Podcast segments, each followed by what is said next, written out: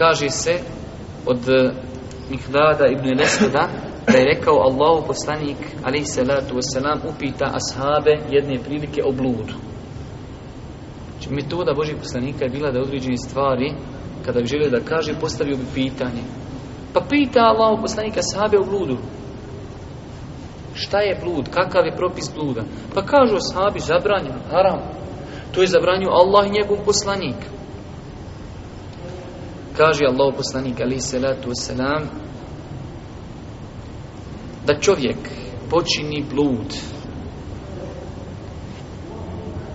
sa deset žina to je lakše i to je manje nego da počini blud sa ženom svoga komši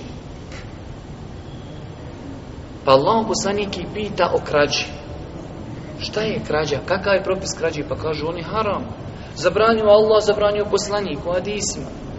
Kaže Allah poslanik alaih salatu wasalam da čovjek ukrade od deset ljudi, od deset kuća manje je i lakše je nego da ukrade od svoga komši Ovaj hadis, braću moja draga,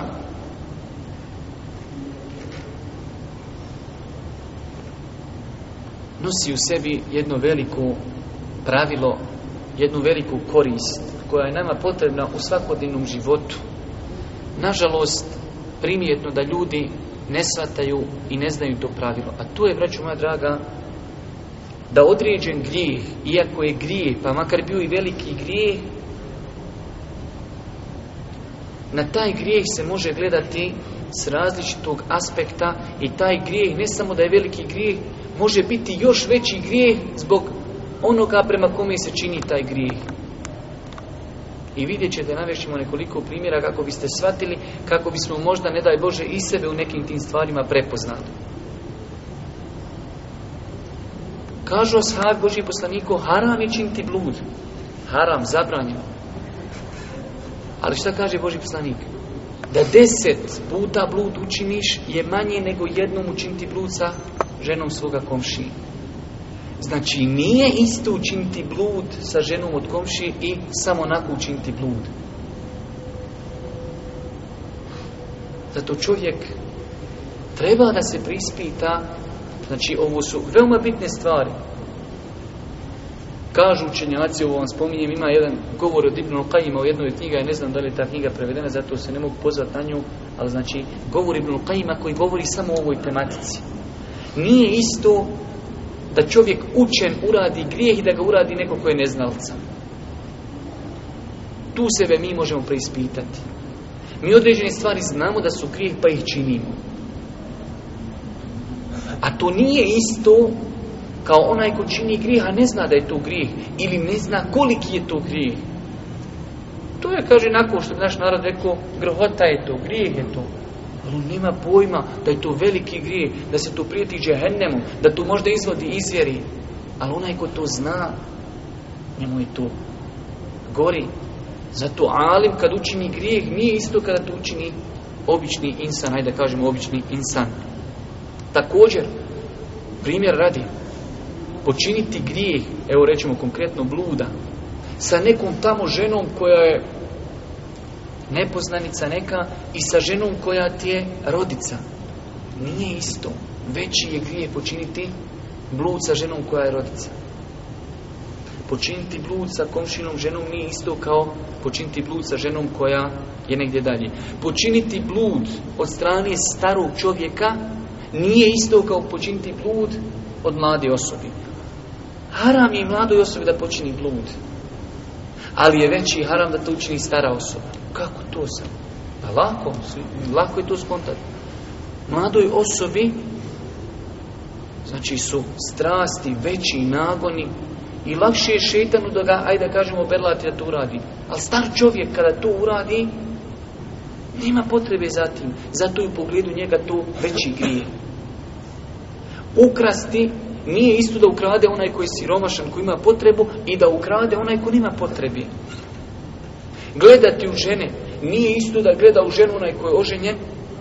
Allah ga na taj način sačuvao. Ima svoju ženu. I da gleda neko koji je neoženjen. Da neko ne misli umalovažavamo grijehe. U startu je grijeh obo dvojici. Ali nije isti grijeh.